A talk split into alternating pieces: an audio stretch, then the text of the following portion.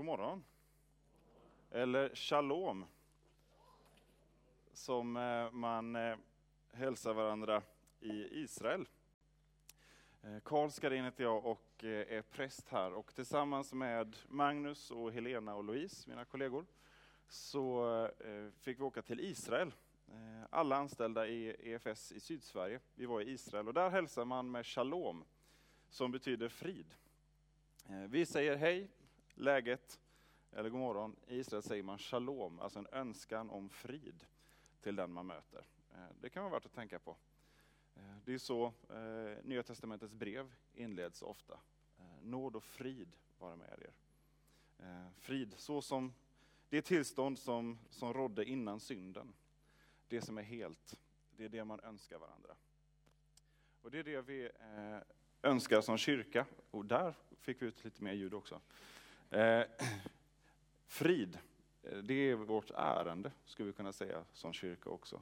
Shalom, att få ta den frid som tron på Jesus Kristus ger och eh, ge den vidare ut i, i världen. Vi, vi har varit i Israel i eh, en och en halv vecka ungefär. Vi åkte från ett eh, ganska så behagligt klimat eh, och så var det val och så kommer man hem och så är det storm eh, och lite parlamentarisk kris. Så vad har ni gjort under den här tiden egentligen? Eh, för att vi ska drabbas av detta. Jag var nästan sugen på, hade det inte varit för församling och familj så hade jag nästan vänt på perrongen och så tillbaka. Nej, vi älskar vårt Sverige, eller hur? Men vi behöver också få, få höja vår blick och se att det vi har är inte allt. Eh, det var det vi fick göra på vår resa till Israel. Vi fick upp blicken för eh, landet som det är idag, men kanske framför allt då också för vad som har hänt på den här speciella platsen genom historien. Eh, det här blir ingen reseskildring ni får här nu. En sån kan ni få lördagen den 13 oktober istället. Klockan nio så har vi en hälsning från Israel. Då ska vi visa lite diabilder och och berätta om vad vi har varit med om. Och ni ska få liksom, vi ska försöka dela med oss av så mycket vi kan. Men eh, här så, eh, idag så har vi temat i Jesu fotspår. Eh, med tanke på just att det var det vi fick göra nu som, som arbetslag. Att vi fick gå i Jesu fotspår på plats i Israel. Och jag vill dela med mig av någonting bara av det vi fick, vi fick där. Att, att få vara på plats där är det är att se att det här är verklighet. Eh, vi tror inte på, eh, på legender eller sagor, utan vi tror på en Gud som är verklig, historiens Gud, som håller världen och tiden i sin hand. Och är det sant, det som, som Bibeln berättar om, de här berättelserna, är det sant, eh, ja då finns det också spår av det. Inte bara det tydligaste spåret av allt, kyrkan finns. Det finns Eh, miljoner, till och med miljarder med människor som en direkt följd av de här händelserna. Men att få, få åka till platserna där det har hänt och få se platserna, att städerna finns där. Eh, det finns lämningar av, eh, av personerna, av platserna, även om landet idag inte ser ut som på eh, flanellografen i söndagsskolan och eh, sådär. Det är ett modernt land. Så är det, man kommer dit på plats och inser att det här har hänt. Det här har hänt. Det fanns en föreställning, och har funnits en föreställning i kanske 200 år om att nu när modern vetenskap eh, kommer så behöver vi inte religion, för religion har varit som någon form av eh, substitut, eller som en ersättning för att förklara hur allting går till. De har missförstått vad, vad tro handlar om. Eh, och man missbedömde också eh, vad som skulle hända när man började gräva på de här ställena. För under 200 år så har det genomförts mycket utgrävningar i världen. Eh, och framför allt i Israel. Och där varje år dyker det upp nya saker som inte motsäger det som Bibeln berättar om, utan som bekräftar Sigillstämpel efter sigillstämpel, mynt efter mynt, hus efter hus grävs fram som pekar på att det som Bibeln berättar om, det har hänt på det här stället. Och så långt det faktiskt går att se i, eh, i arkeologiska lämningar, också på det sätt som, som Bibeln talar om. En eh, lärare jag hade, en bibellärare, han brukar tala om arkeologin som det femte evangeliet. Vi har fyra evangelier i det Nya Testamentet. Arkeologin, det femte evangeliet. Där stenarna kommer till liv och får tala om, eh, om det som har hänt. Och vi fick komma till ett ställe som blev, eh, som många i slutet av resan eh, gav som exempel på det som, som kanske tog tag mest. Vi fick komma till Magdala. En stad vid Genesarets sjö i norra Israel. Och man känner igen det i namnet Maria Magdalena, alltså Maria från Magdala. Vi fick komma till Marias hemstad, som man hittade för bara tio år sedan.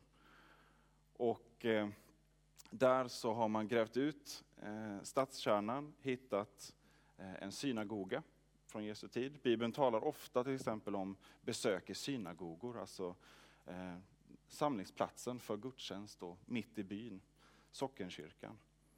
Eh, och där, en sån sak, forskningen sa, nej, synagogor är en sent påhitt, det fanns inte på Jesu tid. Nu har man hittat mängder med synagogor från Jesu tid, precis som Bibeln berättar om. Och på, den här, på det här stället så har det byggts en, eh, en kyrka eh, som är byggd till, eh, för, för att lyfta fram de kvinnor som fanns runt Jesus. De kvinnliga lärjungarna, eftersom Maria kom då från den här staden. Och så under kyrkan så finns det ett kapell. Kapellet för möte, encounter chapel, alltså ett, eh, ett möte mellan människor. Vi kan se om vi kan få upp eh, en bild här. Vi har altartavlan. En, eh, en stor, stor målning som, som finns inne i det här kapellet. Och som, som är lite speciell. Det är inte så här altartavlor brukar se ut. Det är ett gäng dammiga fötter och så är det en hand och en ljuspunkt. Det här är en av bibelberättelserna som, eh, som vi kan läsa om och som, eh, som jag med stor säkerhet kan få, eh, få tro. Det här, här har inträffat. Flera av evangelierna berättar om den, lite olika skildring. Och vi ska läsa Lukas evangeliets skildring av det här. Jesus är runt och undervisar, han möter människor, han Eh, får, eh, får ge helande till många. Många sjuka blir friska i mötet med Jesus. Och det har samlats mycket folk. Och han är nu på väg till eh, en familj för att hjälpa dem. De har en sjuk dotter. Och så står det så här, när Jesus var på väg dit pressade sig hela mängden på honom. Där fanns en kvinna som hade lidit av blödningar i tolv år. Hon hade gjort av med allt hon ägde på läkare, men inte lyckats bli botad av någon. Nu kom hon bakifrån och rörde vid tofsen på hans mantel. Och genast upphörde blödningen. Då sa Jesus, vem var det som rörde vid mig? När ingen ville svara sa Petrus, Mästare, alla knuffas ju och tränger sig på dig. Men Jesus sa, någon rörde vid mig. Jag kände att kraft gick ut från mig. När kvinnan förstod att hon var upptäckt kom hon darrande fram och föll ner för honom och berättade inför allt folket varför hon hade rört vid honom och att hon genast hade blivit botad. Då sa han till henne, min dotter, din tro har hjälpt dig. Gå i frid. Det är det mötet som vi ser på, eh, på den här målningen kvinnans hand som rör vid ytterkanten, vid hörnet på, eh, på Jesus mantel. Eh, en av kvinnorna som inte är omnämnd med namn, en anonym eh, person, men som har fått, fått plats i flera evangelier. Det här mötet mellan henne och Jesus. Mötets kapell i Magdala. Och det är tre tre saker jag ser här som, eh, som jag vill lyfta fram, som den här kvinnan visar oss. Hon, dels så kommer hon eh, smygande i det fördolda, hon kommer bakifrån.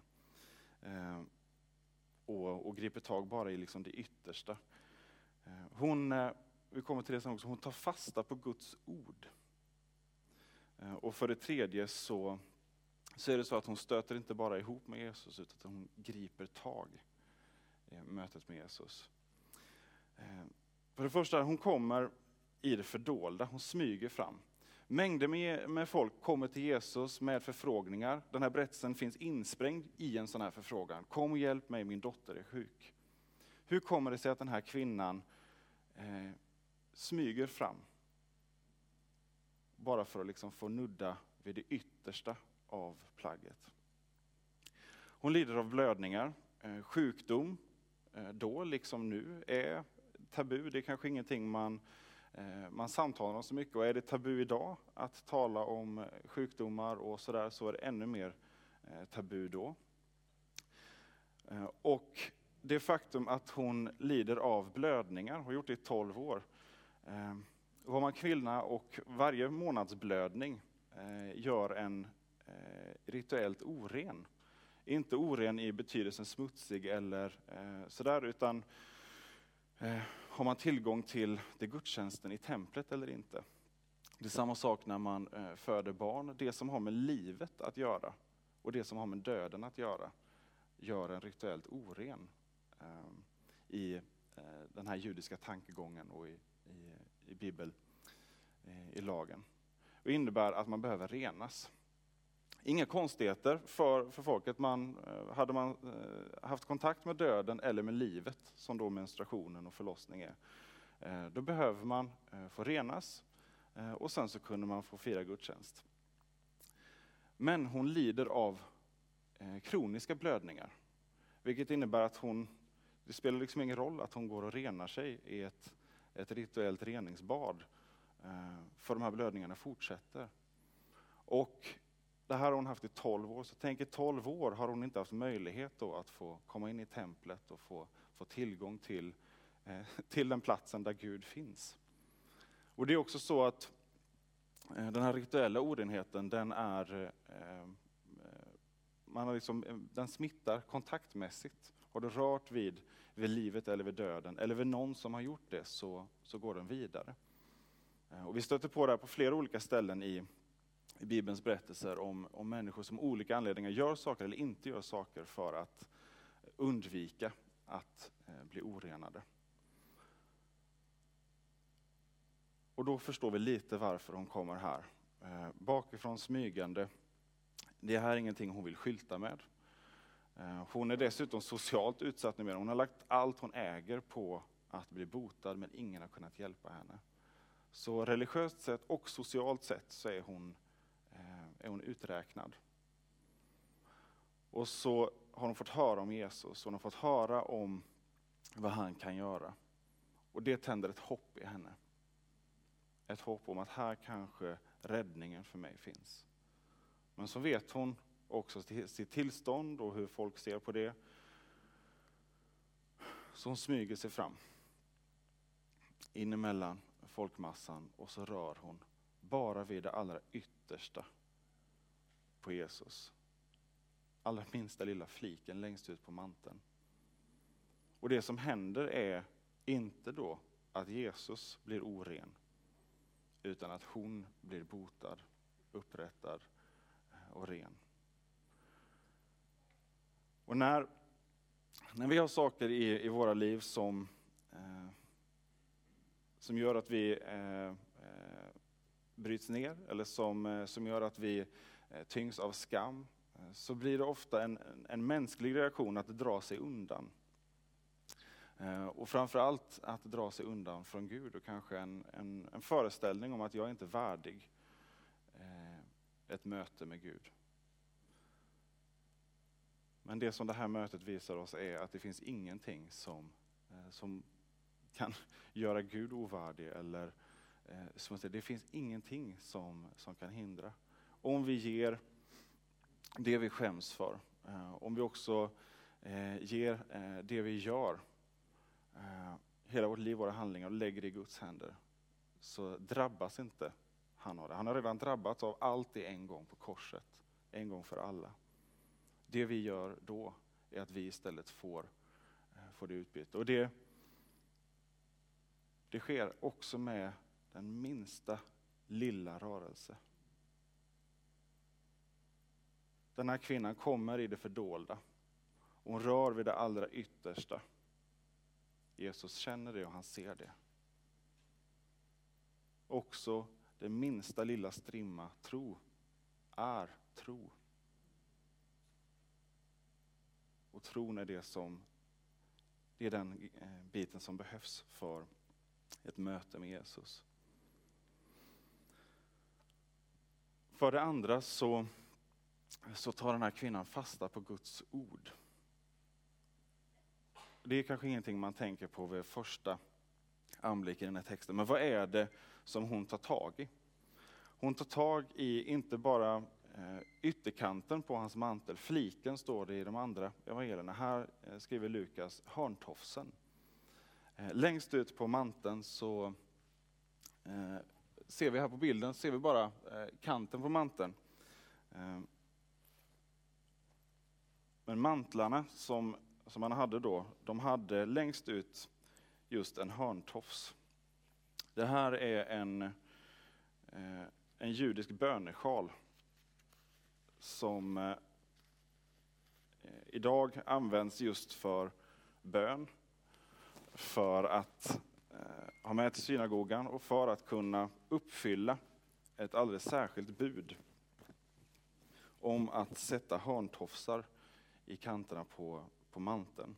Se om vi kan få upp en närbild här på eh, några tofsar. Eh, I fjärde Mosebok, så, eh, kapitel 15, så står det så här.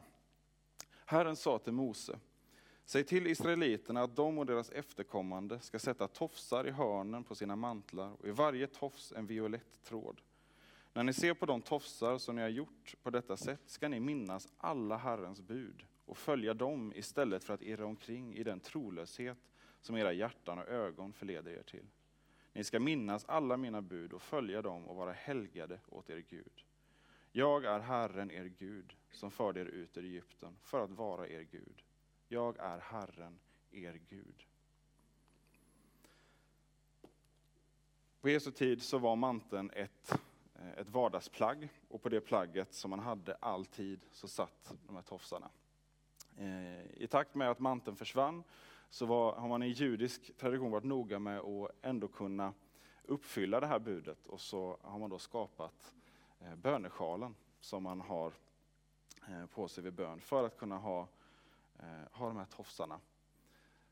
Och vad är då de här tofsarna? Jo, det är en påminnelse om Guds ord en påminnelse om vem Gud är, vad han har gjort. Jag är Herren er Gud som har fört er ut ur Egypten. Jag är den som befriar dig ur slaveri, vad det slaveriet än består i.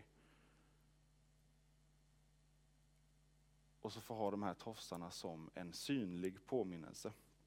Det är som oss människor, vi, vi behöver det synliga, fysiska, konkreta för att komma ihåg. Kanske är det någon som har ett sånt här VVJD-armband, What would Jesus do? Eh, man kan säga att det här är ett VVJD, en påminnelse om, ja men just det, eh, vad är det Gud har eh, för mig? Så det här bar Jesus.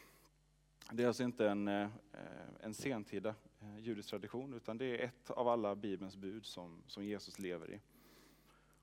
Och vad gör den här kvinnan? Hon tar tag i hörntofsen. Hon tar tag i den här påminnelsen om Guds löften, om vem Gud är, om den befrielse som, som Gud ger. Hon tar tag i det här yttersta. Eh, och vi möter hörntofsen på, på massa ställen i, eh, i Bibeln. Ibland talas det bara om som hörnet, eller som en flik. Ibland står det uttryckligen eh, tofsen. Det finns en berättelse om när David, som var kung för 3000 år sedan, innan han blev kung så var han förföljd av eh, dåvarande kungen Saul.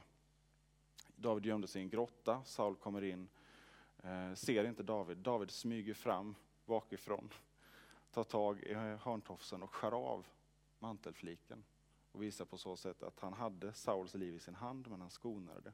Men han visar också att Saul genom sitt handlande har kapat eh, sitt liv med Guds ord. Saul lever inte efter Guds bud, han är ute efter att döda David.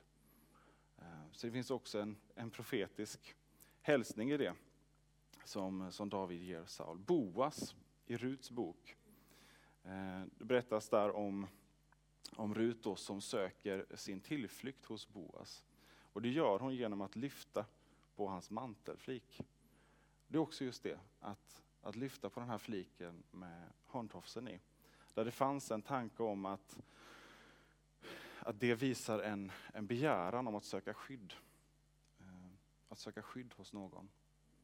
Eh, Bibeln talar om, eh, om Guds vingars beskydd. Ett av orden just för flik eller för hörn är samma som för vinge.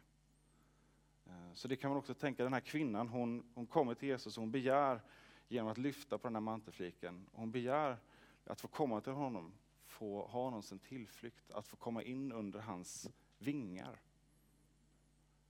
Så när det står hörntofs här så är det inte bara ett ord i en lång text, utan det finns en, en enorm symbolik som för oss går förlorade när vi inte har eh, kunskapen som var eh, vardagskunskap eh, för de första läsarna av, av det här. Och det här blir speciellt när hon kommer till Jesus och tar tag i hans hörntofsar. Varför? Det är inget magiskt, de här tofsarna. Det är tråd, det är ull. Eh, och eh, sådär. Men det är löftena hon tar tag i. Det är tron som hon uttrycker med sin kropp där. Och vem gör hon det hos? Det levande ordet. Hon kommer alltså till symbolen för Guds ord som bärs av det levande ordet, Jesus själv. Den blå färgen i eh, en av trådarna, eh, den ska påminna om himlen. Eh, att himlen blir närvarande.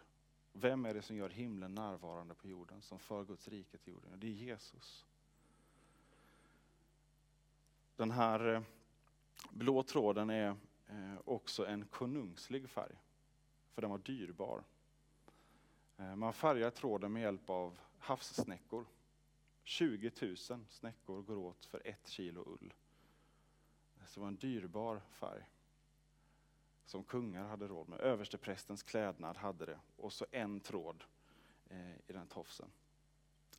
Eh, och den blå, trä, blå tråden den, ni ser, den omfamnar hela tofsen, den är virad runt, omsluter. Precis som Jesus den evige konungen, omsluter och omfamnar. Eh, så det finns, eh, det finns så mycket i, eh, i det här lilla. Och det som är extra spännande tycker jag är om vi, om vi tar den här blå färgen, så har man under nästan 2000 år inte vetat hur man framställer den. Man har vetat att det är den här havssnäckan, men man har inte lyckats få fram lila och blå färg av den. För den ger inte den färgen naturligt.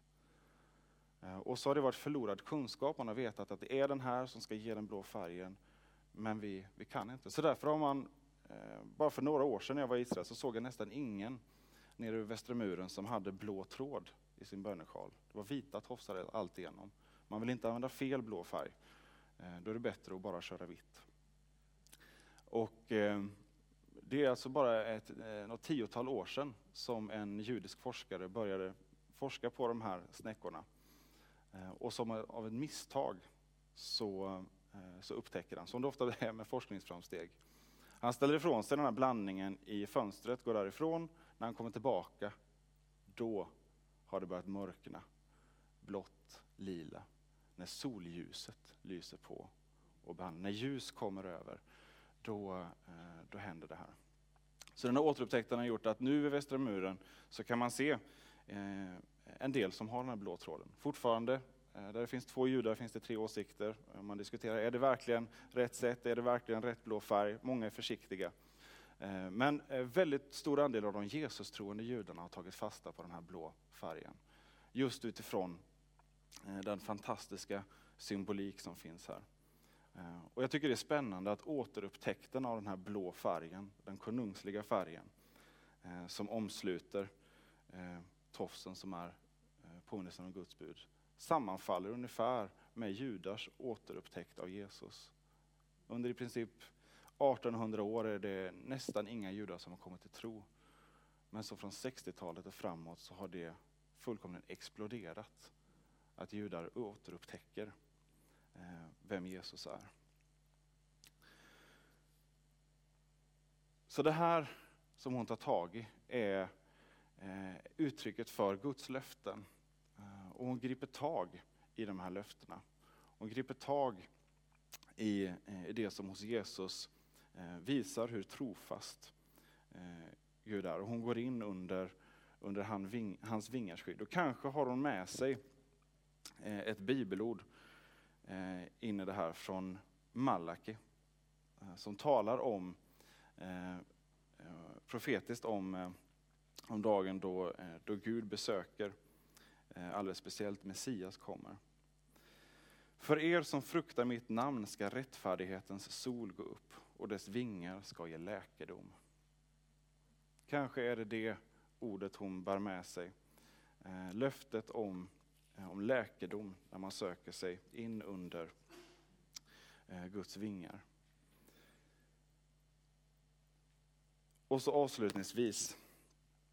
Det är så att hon, eh, hon stöter inte bara ihop med Jesus.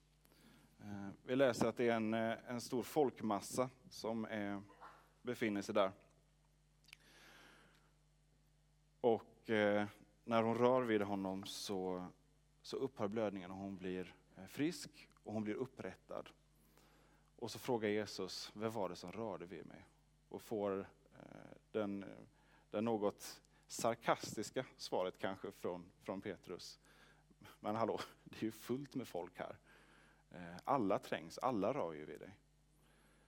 Eh, och det är faktiskt skillnad på att, att bara stöta på eh, Jesus och att gripa tag i Jesus. Om, om så bara det yttersta, om så bara utifrån minsta lilla hopp minsta lilla tro, så är det det som, som gör skillnaden. Vi kan läsa om Jesus, vi kan studera, eh, vi kan eh, gå på eh, kristna gudstjänster och event och lyssna på, på kristen musik och allt vad det är. Och på det sättet stöt, stöta ihop med Jesus. Men det som gör skillnaden är om vi griper tag i Jesus och bjuder in honom och söker vår tillflykt, vårt skydd och sätter vårt hopp till Jesus. Det är skillnaden mellan kvinnan och alla andra som trängs där. En kvinna som i mänskliga ögon är uträknad och som till och med gör, gör någonting skamligt när hon tar tag i en, en rabbin, hon som är oren. Men hon inser att här finns hopp för mig. Om det så är eh, det sista hoppet om allt står på spel, jag måste få tag eh, i det här. Och det är det jag tror Jesus vill inbjuda oss att se. Att hos honom så finns, finns hoppet. Hur uträknad man än är. Eh, att våga lita på de löften som Guds ord gör. Lita på att det som står här är eh, inte god filosofi, morallära eller legender utan det är verklighet, verklighet med sprängkraft. Eh, och det går att få ett möte med den verkligheten när vi kommer till Jesus och när vi vågar gå på den inbjudan från honom att få söka vår tillflykt eh, under hans vingar. Och Jesus ger också responsen på detta. Min dotter, din tro har hjälpt dig den lilla, lilla tron som hon hade, den gav henne ett helt nytt liv.